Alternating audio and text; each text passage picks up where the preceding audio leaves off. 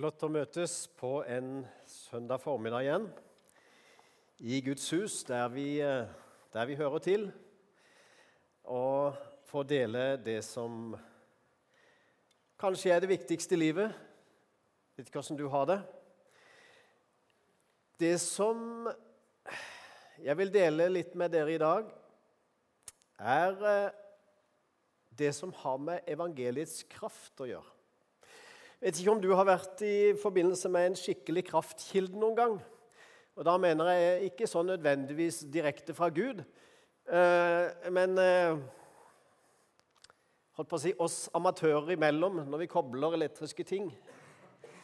Når du får fingrene på litt feil sted, og du lager en kortslutning som du virkelig kjenner går rett i sikringsboksen. holdt på å si. Det, du trekker fingrene fort til deg, for du kjenner at det der, der det kan du ikke leve med lenge. Eh, elektrikere vet hva de snakker om, og de passer vel fingrene bedre, regner jeg med. Selv om de har sikkert kjent på det, de òg, både én og to ganger.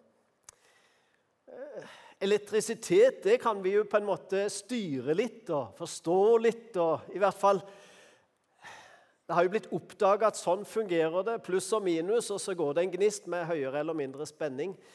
Og I mekanikkens verden, der jeg begynte, der eh, utnytter vi jo det til fulle. Altså spenningen mellom pluss og minus, og der vi kan eh, sveise f.eks., og der det står en lysbue og kan smelte alt som kommer imellom det, og utnytte det på en måte. Men eh, det er liksom ikke for å komme borti med fingrene eller svi seg på annen måte. Eller du har vært ute en dag, kanskje ut på Lista fyr, og det blåser ikke bare stiv kuling, men storm. Eh, og du går utafor muren der og kjenner at eh, nå er det akkurat så vidt jeg greier å stå imot. Og Kommer det et skikkelig kast nå, så går jeg rett i bakken. Og Det blir helt ukontrollert. Jeg vet ikke om du har fått en sånn følelse at nå styrer jeg ikke elementene lenger. Det vil si, nå kan jeg ikke kontrollere meg sjøl, for det er noe som er sterkere enn meg, som tar over. Det kan vi òg utnytte veldig bra. Ved å sette opp et seil og styre i rett retning, så går det veldig fort. altså. Første gang jeg prøvde windsurfing, det var en blanda opplevelse. Jeg fikk det til til slutt, men jeg greide ikke å snu. Så det var liksom i Syd-Frankrike med retning Marokko. Og greide jeg måtte, jeg måtte bare hoppe av dette brettet til slutt og rope på en som hadde litt mer trening i dette for å snu dette og bruke etter vinden og krysse inn igjen. Altså, Elementene kan vi kanskje kontrollere i en eller annen forstand når vi behersker det. Hvordan er det med Guds kraft, egentlig? La oss lese om romerbrevets hovedtema. Det er det som er det store temaet i hele romerbrevet. La oss lese det. For jeg skammer meg ikke over evangeliet. Det er en Guds kraft til frelse for hver den som tror. Jøde først, og så greker. For i det åpenbares Guds rettferdighet av tro og til tro, slik det står skrevet. Den rettferdige skal leve ved tro. Evangeliet. Skulle en tro at det hadde sånn kraft at det kunne virkelig ikke bare sjokkere mennesker, eller at vi føler at vi er borti noe som vi kanskje ikke tåler eller ikke behersker, men forandres totalt. Hvordan kan evangeliet forandre et menneske? Altså det gode budskap, da, som er et annet ord for evangeliet. Det er jo både uforanderlig i innhold, i kraft, i håp, i frelse osv. Det er noen som tenker at det har liksom dabba litt av med tida. Vet du, det stemmer jo ikke. Det er liksom ikke sånn at Gud handla til spesielle tider, og så, og så, var det ikke noe å hente. Og så var Det på, altså det der, der at det svinger, det har ikke med Gud å gjøre. Det har med oss å gjøre. det. Og vår åpenhet kanskje for det vår hengivenhet eller bortvendthet, derfor svinger de våre liv og i omgivelsenes våre liv. Jeg skammer meg ikke over evangeliet, sier Paulus. Ikke i det hele tatt. Ja, hva er det å skamme seg over, egentlig? Nei, hva skulle det være? Men eh, vi lever ikke for oss sjøl. Vi lever jo ikke isolert på en liten øy, vi alene. Vi er i, satt inn i et fellesskap, i et samfunn, ikke bare i en menighet, men i et samfunn. i et lokalsamfunn og et storsamfunn som reagerer på hvordan vi lever. Sånn er det. Hva vi tenker, hva vi tror, hva vi sier høyt, hva vi vitner om. Og Det er i denne settingen at Paulus sier jeg skammer meg absolutt ikke over evangeliet. Det kan jeg stå opp for når som helst og hvor som helst, og det gjorde han. Og fikk smake prisen for det. Og det er derfor han skriver det. Han visste at det kom til å møte han mye som kosta han mye. Han hadde vært i touch med evangeliets kraft før. Når var det? Jo, det var på veien til Damaskus. Da slo lynet ned, og han gikk i bakken så det smalt. altså. Og Så hørte han Guds stemme. Og Så så han et så ly sterkt lys at det blinda han totalt. Og han hadde sin Damaskus-opplevelse, som vi kaller det, som du kan lese om i apostlenes gjerninger som er en fabelaktig historie om hvordan et menneske vender helt om fra mørke til lys. Fra død til liv. Fra liksom Det er totalt 180 graders omvendelse. Fra å gå i en retning med kamp mot de kristne til å bli en av de sjøl og må rømme pga. at han var så forfulgt. Han hadde Jesu ord veldig klart for seg. La oss lese fra Matteusevangeliet, da. For ordet om korset er en dårskap for dem som går fortapt, men for oss som blir frelst, er det Guds kraft. Altså den som skammer seg over det. Hva skjer da? Den som ikke vil på en måte ta det til seg og si at 'det står jeg for', det har jeg tatt imot. Det fins konsekvenser for det. Det er jo eh, tøffe ord, da, men det er Jesus som har sagt de sjøl. Og vi kommer på en måte ikke unna å ta noen stilling her. Og det skulle ikke Paulus ha på seg, at han skamma seg over evangeliet. Sjøl om han visste at dette kommer til å bli motsagt, det kommer til å bli argumentert mot, dette kommer jeg til å få smake mange harde ord og forfølgelse. Han valgte det uansett. Bekjennelse. Eh, å stå opp for det. Å være en Å ha en virkelig retning på livet. Det var sprengkraft i det. Det hadde han fått føling med sjøl. Det står om ordet som en dårskap. Hva er det med et moderne ord, da? Dumskap eller tåpelighet eller eh, på en måte til kort. Altså Tenker vi så kort? Er vi så dumme? Er vi så håpløst enspora? Ja, vi kan få masse ord etter oss. Og så står det i Bibelen sånn skal det være. Sånn er det bare. Sånn vil reaksjonen være. Og så tenker vi av og til kan vi komme unna det? Kan vi pakke det inn så fint at ingen reagerer på det lenger? Ja, det er mulig vi kan. Men det spørs så mye av evangeliet som er da igjen. Og her må vi ta et valg. Tør vi å pakke det helt ut? Og stå for det slik som det er, med rene ord fra A til Å? Eller prøver vi å pakke det inn så godt som mulig, slik at det ikke blir så farlig for noen lenger? Og alle kan applaudere uansett åssen det er. Paulus han skjønte at det gikk ikke, altså. Han ga seg ikke på det, for han visste hva det handla om. Det handla om liv og død, det handla om himmel eller fortapelse. Og Jesus hadde sagt det helt klart. Ordet om korset, det var dumhet for de som ikke forsto, de som ikke hadde tatt det til seg.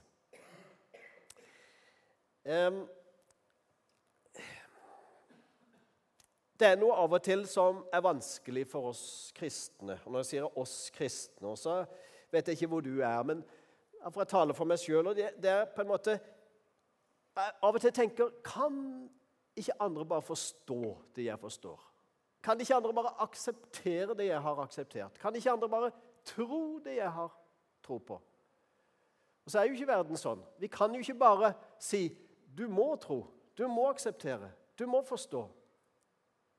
Her må vi ha vår egen vei. Og Derfor er det kanskje like godt først som sist å erkjenne at nei, vi kan ikke tvinge andre til noe som helst. Vi kan ikke pålegge andre noe som helst. Vi kan være vitner om det vi står for og ikke skamme oss over evangeliet.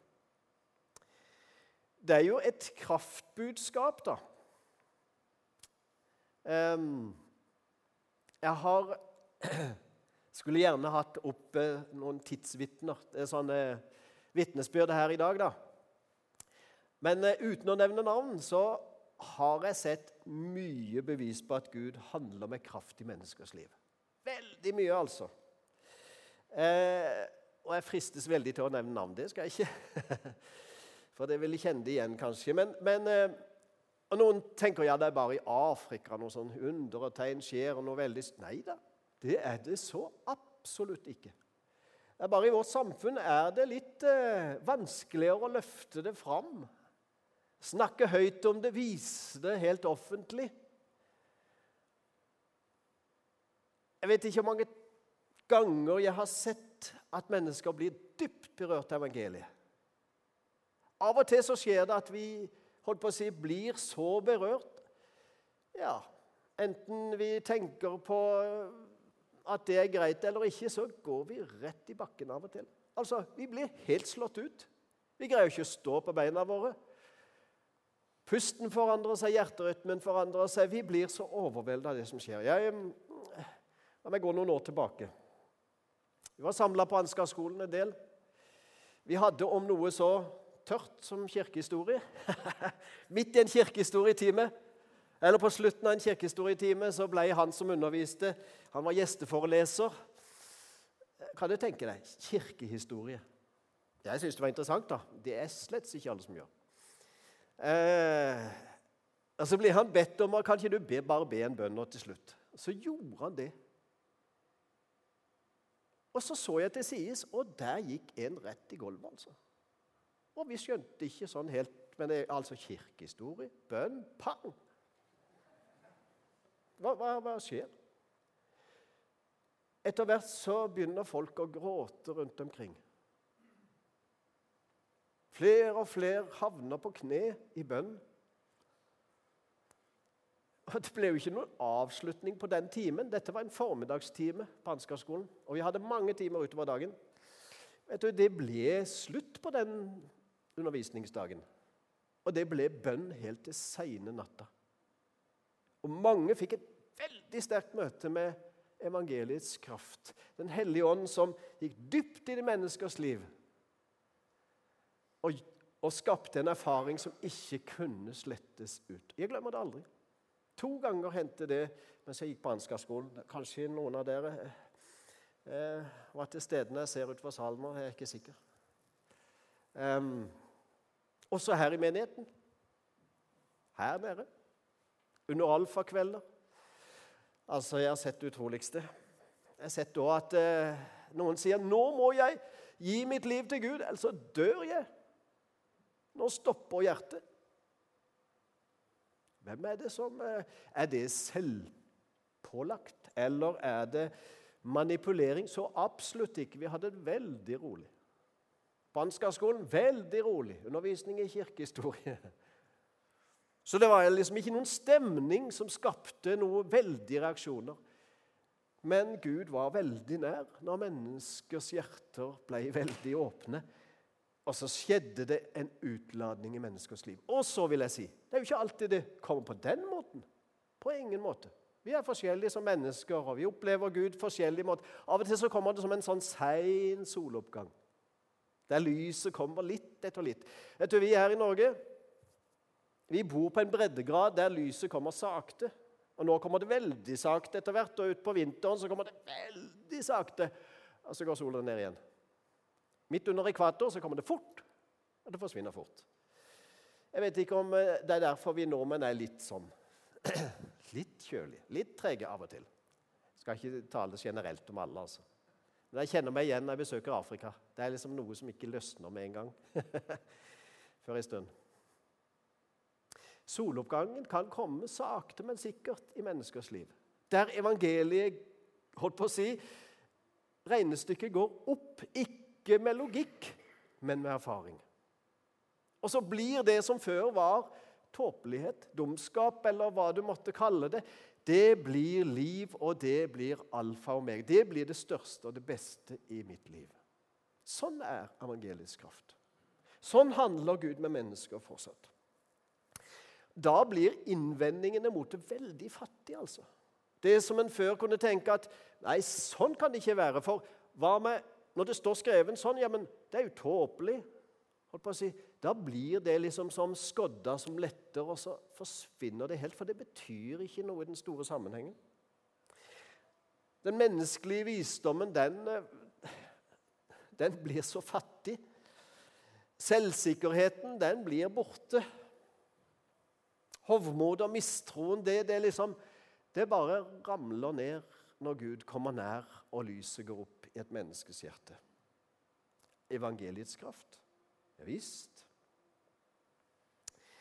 Så er det ikke bare ord, altså. Det er noen som tenker at ja, denne boka er full av ord, og det er den. Og det er 66 forskjellige bøker å lese fra Det gamle og Det nye testamentet, og det er masse ord. Og En sånn gjennomsnitts bibelleser bruker kanskje tre år på å lese en sånn bok. Eller ett år hvis den er veldig ivrig og leser fem kapitler hver dag.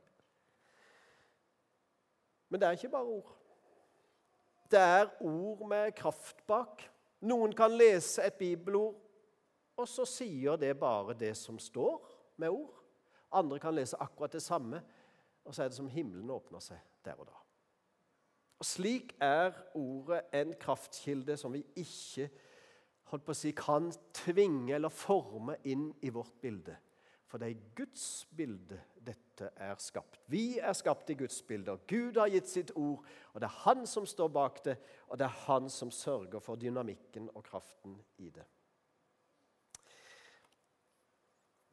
Vi, altså ikke, vi har altså ikke evangeliet som en god fortelling, et pent og pyntelig budskap som det er greit å høre, en fin historie som alle klapper for. Nei, vi har med historiens kraftkilde å gjøre i evangeliet. Evangeliets kraft, den skaper endring. Og da tenker jeg det må alle få tak i før, holdt på å si, før tida er ute så lenge. Altså, Vi vet jo ikke hvor lenge vi lever. Vet du det? Nei. Ikke jeg heller. Jeg vet ikke om jeg når eh, kveldsmat i kveld. Altså, Det får Gud håndtere, da. Men det jeg vet, det er at jeg må ha tak i evangeliet mens det er tid. Jeg må ta imot Han mens det ennå er mulighet. Ja visst. Og ikke bare det. Det vil jo være nesten egoistisk å bare tenke det. Men det er mitt første ansvar. Jeg må sørge for at flere får tak i det. Jeg må jo gi det videre. Det går jo ikke an å holde så mange gode nyheter for seg sjøl. Tilbake til romerbrevet. Det sto noe om at eh, Gud handler med rettferdighet.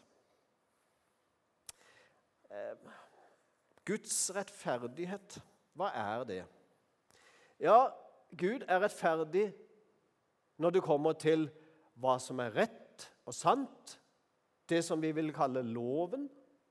Ja, jeg tror alle mennesker i en eller annen forstand er født med en viss form for rettferdighetssans. Vi har en eller annen peiling på hva som er galt og rett. Ikke alt, men stort sett så vet vi en god del om hva som er galt og rett. Selv om vi ikke tror på Gud, så har vi en eller et eller annet moralsk kompass selv om vi ikke har alle ting på plass. Så har vi levd opp i en, eh, en, kultur der alt er lov, ja, så blir det liksom det som styrer. Eller har vi levd opp i en streng kultur der nesten ingenting er lov, så er det det som styrer oss lenger. Det kan òg være tungt å, å, bære. Og så er det Hva sier Bibelen?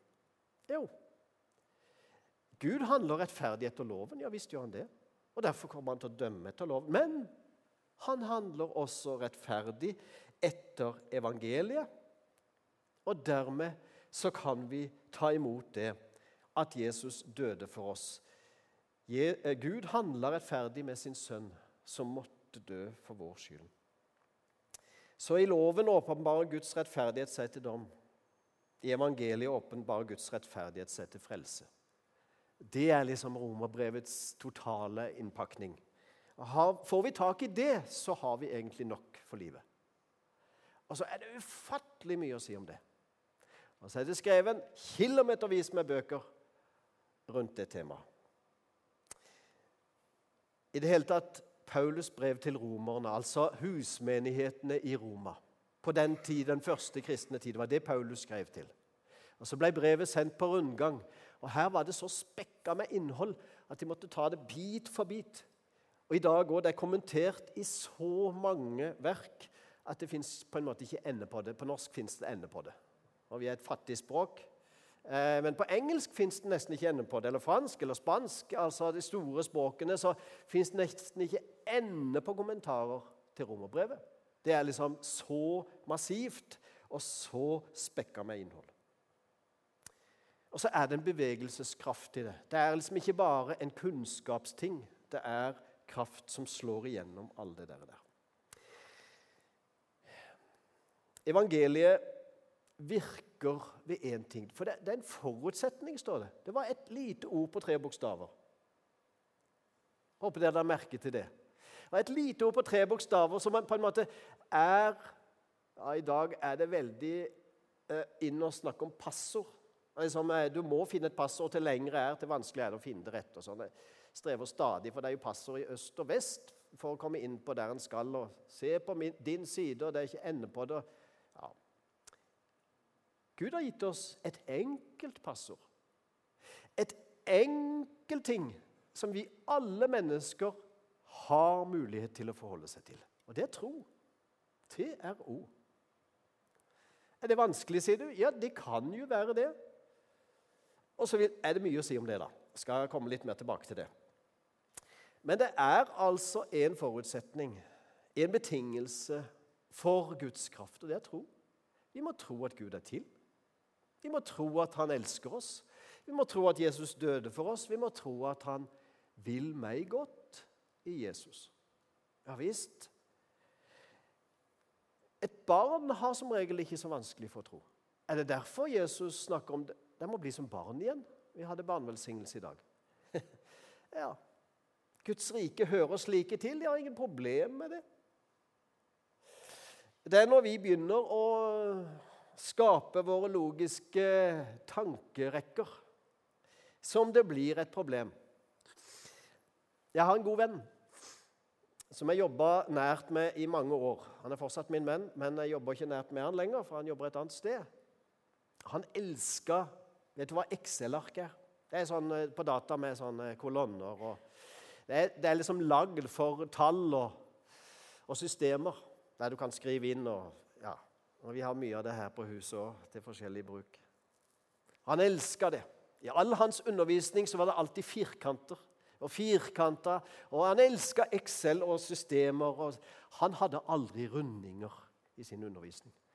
Jeg tror han var skapt litt sånn Jeg skal ikke si hvilken nasjonalitet han var. Han var egentlig ikke norsk. Men eh, altså, sånn er vi jo forskjellige, da.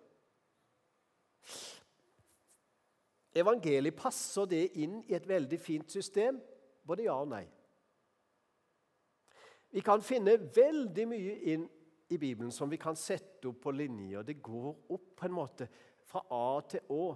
Både historisk og trosmessig og liv og erfaring osv. Og, og så er det på en måte en sånn ikke-ordinær ting som av og til forstyrrer alt, og det er Guds kraft. Så vi ikke greier å plassere på ei linje. Altså. Først tror vi, og så kommer Guds kraft.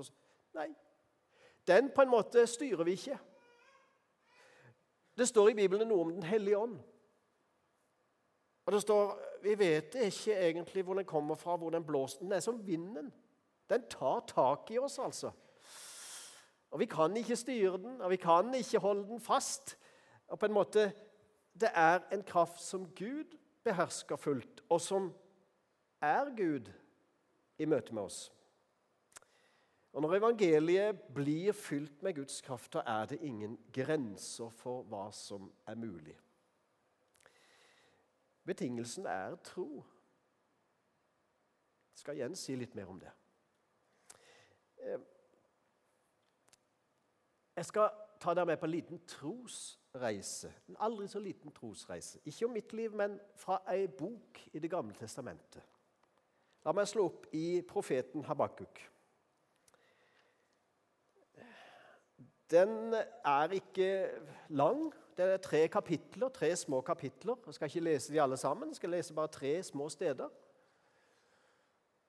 Og Habakuk han var en profet som kjempa med israelittenes og menneskers vanskeligheter og problemer. Og han kom inn i en tid som slett ikke var lett historisk sett.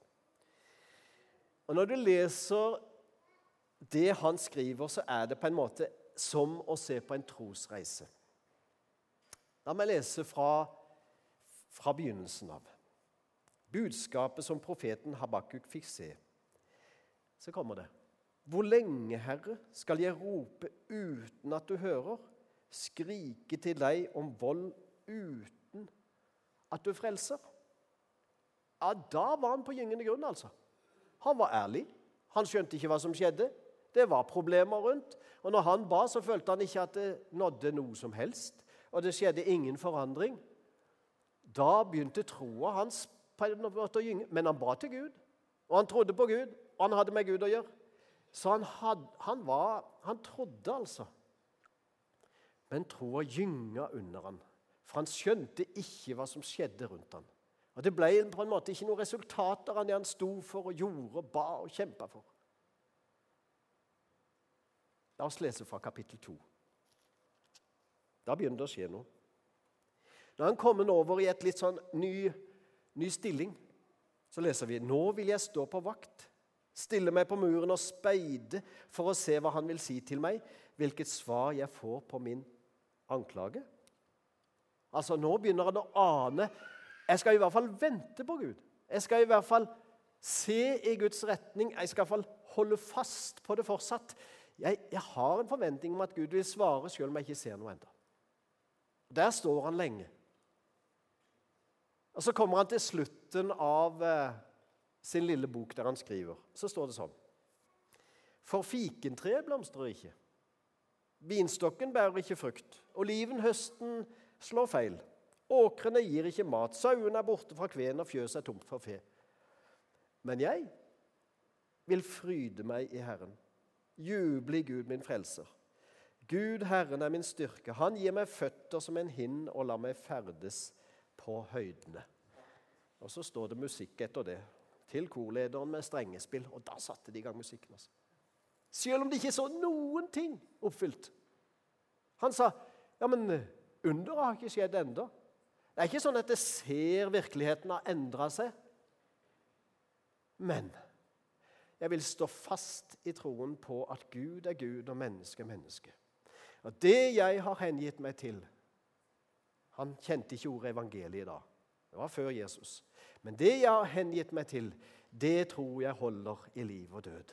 Og Derfor vil jeg synge og prise Gud uansett omstendigheter. En annen liten historie fra Det gamle testamentet.